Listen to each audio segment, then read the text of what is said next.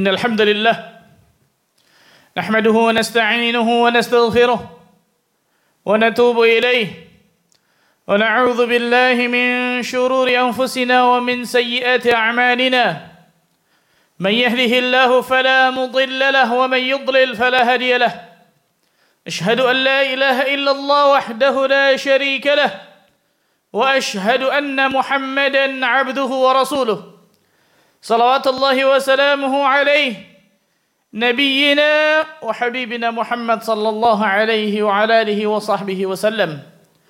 قال الله تعالى في كتابه الكريم يا أيها الذين آمنوا اتقوا الله حق تقاته ولا تموتن إلا وأنتم مسلمون. يا أيها الناس اتقوا ربكم الذي خلقكم من نفس واحدة وخلق منها زوجها وبث منهما رجالا كثيرا ونساء واتقوا الله الذي تسالون به والأرحام إن الله كان عليكم رقيبا. يا أيها الذين آمنوا اتقوا الله وقولوا قولا سديدا. يصلح لكم أعمالكم ويغفر لكم ذنوبكم. ومن يطع الله ورسوله فقد فاز فوزا عظيما. أما بعد فاعلم أيها الناس فإن أصدق الحديث كتاب الله وخير الهدى هدى محمد صلى الله عليه وعلى آله وصحبه وسلم. وشر الأمور محدثاتها فإن كل محدثة بدعة وكل بدعة ضلالة وكل ضلالة في النار معاشر muslimin sidang Jumat rahimakumullah dalam sebuah hadis yang diriwayatkan dari Imam At-Tirmidzi dalam sunannya Imam Ahmad dalam musnadnya dari sahabat Abdullah bin Mas'ud radhiyallahu taala anhu arda Rasul sallallahu alaihi wasallam berkata kepada para sahabatnya Istahyu minallahi haqqal haya Wahai para sahabatku kata Nabi sallallahu alaihi wasallam hendaklah kalian malu kepada Allah dengan sebenar-benar malu maka sontak para sahabat mengatakan Ya Rasulullah sallallahu alaihi wasallam, inna nastahi walhamdulillah. Wahai Rasul sallallahu alaihi wasallam, sesungguhnya kami telah malu kepada Allah. Alhamdulillah, segala puji bagi Allah. Maka Rasul sallallahu alaihi wasallam mengatakan, "Laisa dzak." Bukan itu yang aku maksud untuk kalian. Walakinnal istihya'a min Allah haqqal haya. Akan tetapi orang-orang yang malu kepada Allah dengan sebenar-benar malu ketika orang itu menjalankan keempat hal ini kata Nabi sallallahu alaihi wasallam. Apa saja itu? Yang pertama, an tahfazar ra'sa wa ma wa'a. Engkau menjaga kepala dan apa yang terkumpul pada organ kepala tersebut. Nanti kita jelaskan ya. Yang kedua, wal batna wa ma hawa. Engkau menjaga perut dan apa yang berhubungan dengan anggota perut itu. Yang ketiga wal tadhkuril mauta wal bila. Engkau mengingat kematian dan juga kebinasaan. Dan yang terakhir yang keempat, waman aradal akhirata taraka zinatad dunya. Barang siapa yang menginginkan kehidupan akhirat, dia pasti akan meninggalkan perhiasan kehidupan dunia ini. Empat hal ikhwan. Yang pertama kata Nabi alaihi wasallam, an tahfazar ra'sa wa. Engkau menjaga kepala dan apa yang terkumpul pada organ kepala tersebut. Disebutkan dalam syarah Sunan At-Tirmidzi itu Tuhfatul Ahwadhi dalam kitab Tuhfatul Ahwadhi.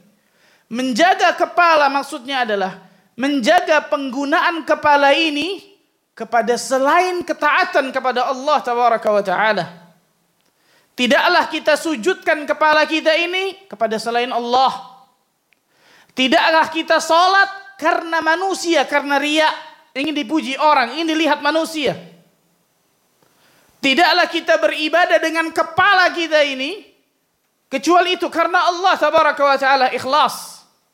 Tidaklah kita menundukkan kepala ini kepada selain Allah dan tidaklah kita mengangkat kepala ini karena sombong kepada manusia. Ini menjaga kepala, ikhwan. Dari penggunaannya kepada selain ketaatan kepada Allah tabaraka wa taala.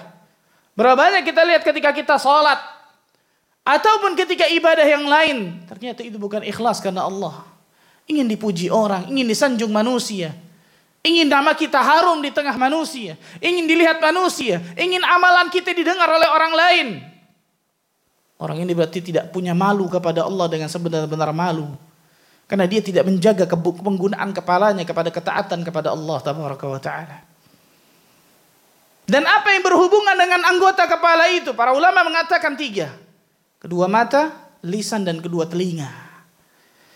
Tidaklah kita gunakan anggota tubuh itu kecuali untuk ketaatan kepada Allah. Ketika Allah berikan kedua mata kepada kita yang kedua mata ini kenikmatan besar, ikhwan. Mengapa kita gunakan kedua mata ini melihat sesuatu yang haram? Melihat sesuatu yang tidak pernah Allah ridhai sama sekali. Ketika Allah Azza wa Jalla berikan nikmat lisan bagi diri kita, nikmat yang luar biasa besar, ya kawan.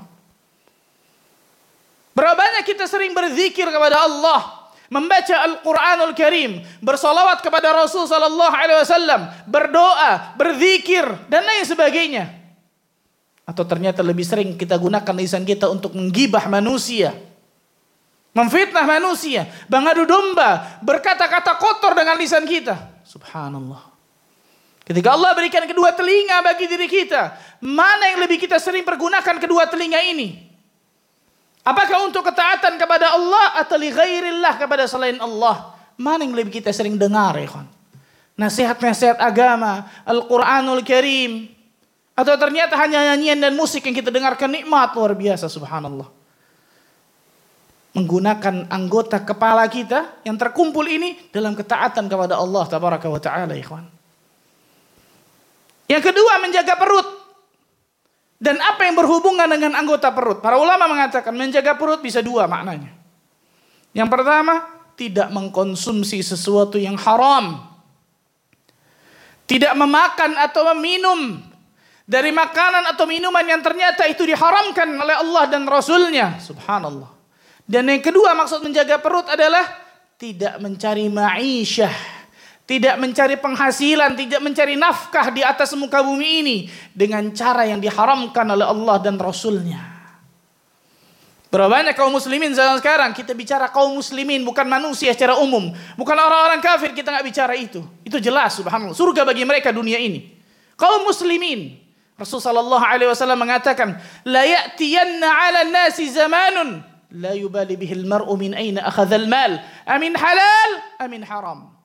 Pasti akan datang nanti suatu zaman di mana manusia tidak memikirkan dari mana dia dapatkan hartanya, halal ataupun haram dihantam. Allahu akbar. Padahal Nabi sallallahu alaihi wasallam mengancam, "Kullu lahmin nabata min suhtin fannaru aula bih." Setiap daging yang tumbuh dari sesuatu yang haram, neraka yang pantas kepada orang tersebut. La haula wala quwata illa billah. Berapa banyak orang zaman sekarang kaum muslimin, kita bicara kaum muslimin mengambil sesuatu yang ternyata dia tahu ini haram dari korupsi lah itu dari apalah itu subhanallah. Bagaimana dia akan mempertanggungjawabkan di hadapan Allah tabaraka wa taala ikhwan? Menjaga perut malu kepada Allah dengan sebenar-benar malu ikhwan. Dan apa yang berhubungan dengan anggota perut? Para ulama mengatakan yang berhubungan dengan anggota perut ada empat. Kedua kaki kedua tangan hati dan juga kemaluan menggunakan semua anggota tubuh itu untuk ketaatan kepada Allah Azza wa Jalla. Subhanallah. Karena anggota tubuh kita akan ditanya oleh Allah nanti di hari kiamat, ikhwan. Rasul sallallahu alaihi wasallam bersabda, "La tazulu qadama 'abdin al qiyamah hatta yus'al." Tidak akan bergeser kaki seorang hamba nanti di hari kiamat sampai ditanya beberapa pertanyaan. Di antaranya, "An jismihi fima ablah." Tentang jasadnya, anggota tubuhnya. Untuk apa dia pergunakan anggota tubuhnya di atas muka bumi ini? Untuk ketaatan kepada Allah atau untuk kemaksiatan, kedurhakaan kepada Allah Azza wa Jalla. Dari ujung kepala sampai ujung kaki Allah tanya, ikhwan. Untuk apa capeknya badan kita, letihnya tubuh ini, seluruh anggota tubuh ini akan bersaksi di hadapan Allah Taala. Maka siap-siaplah ikhwan Ketika kita gunakan anggota tubuh ini untuk bermaksiat durhaka kepada Allah, siap-siaplah. Anggota tubuh kita akan menjadi musuh yang nyata bagi diri kita nanti di hari kiamat, ikhwan. Barakallahu li wa lakum fil Qur'anil azim. Aku qali hadza astaghfirullah.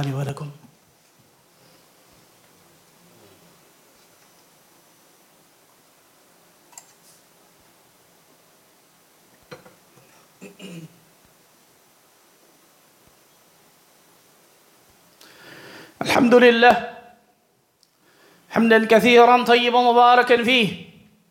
كما يحب ربنا ويرضى والصلاة والسلام على رسول الله وعلى آله وصحبه ومن والاه. أشهد أن لا إله إلا الله وحده لا شريك له. وأشهد أن محمدا عبده ورسوله. Yang ketiga ikhwan, orang yang malu kepada Allah dengan sebenar-benar malu kata Nabi sallallahu alaihi wasallam wal tadhkuril maut wal bila.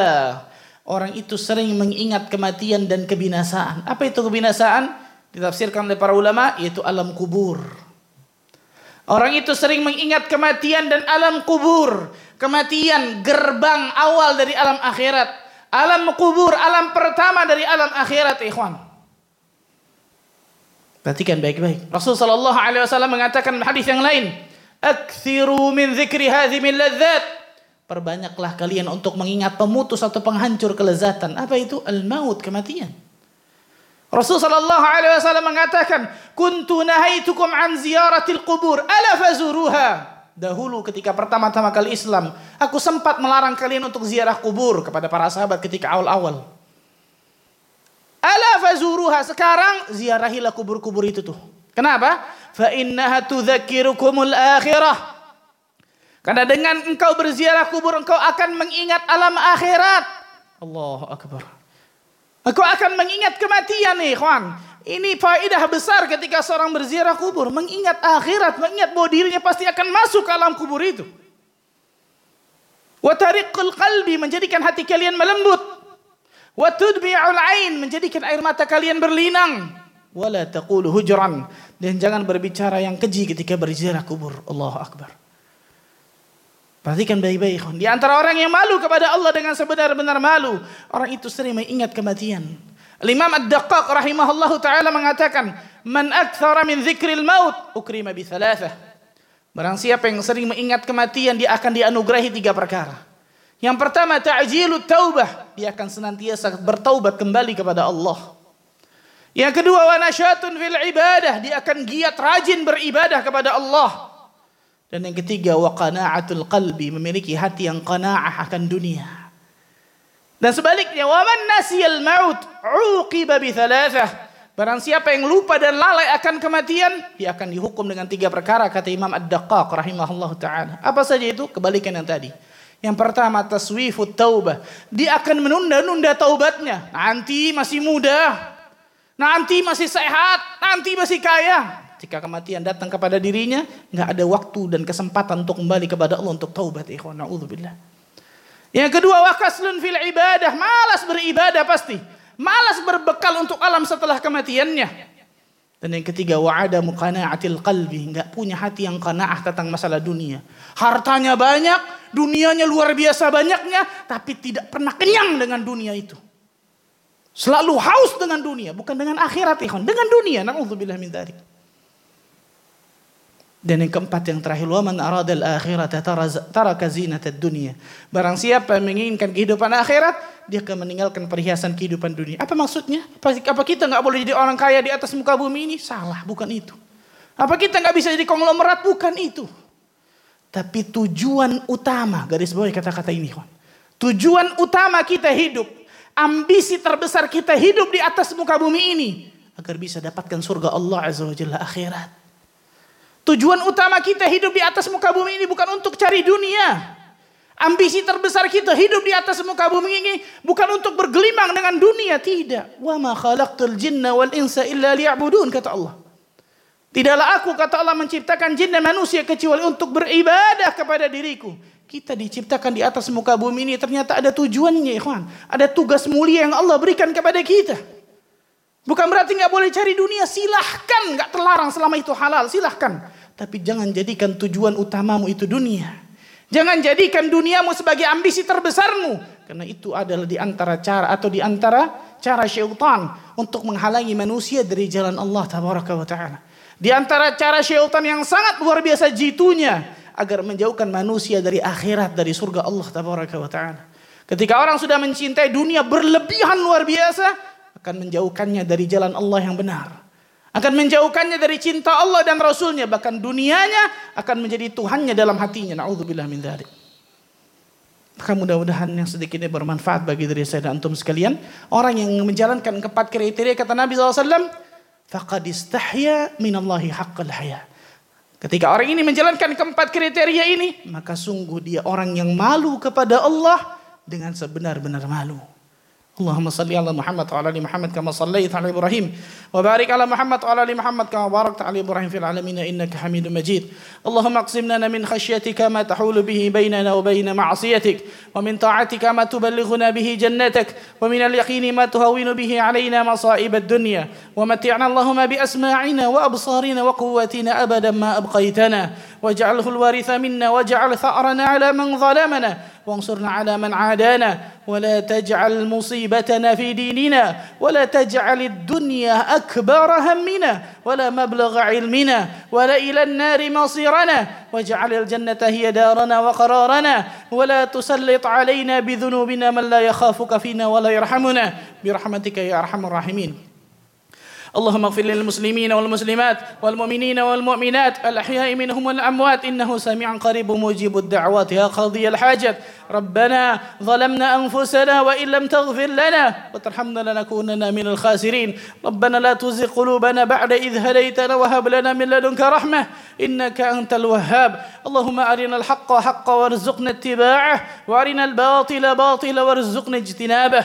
اللهم إنا نعوذ بك من جهد البلاء ودرك الشقاء وسوء القضاء وشمتة الأعداء. اللهم إنا نعوذ بك من زوال نعمتك وتحول عافيتك وفجاعة نقمتك وجميع سخطك. ربنا أتنا في الدنيا حسنة وفي الآخرة حسنة وقنا عذاب النار. واجعل آخر كلامنا من الدنيا شهادة أن لا إله إلا الله وأن محمد رسول الله وأنت راض عنا غير غضبان.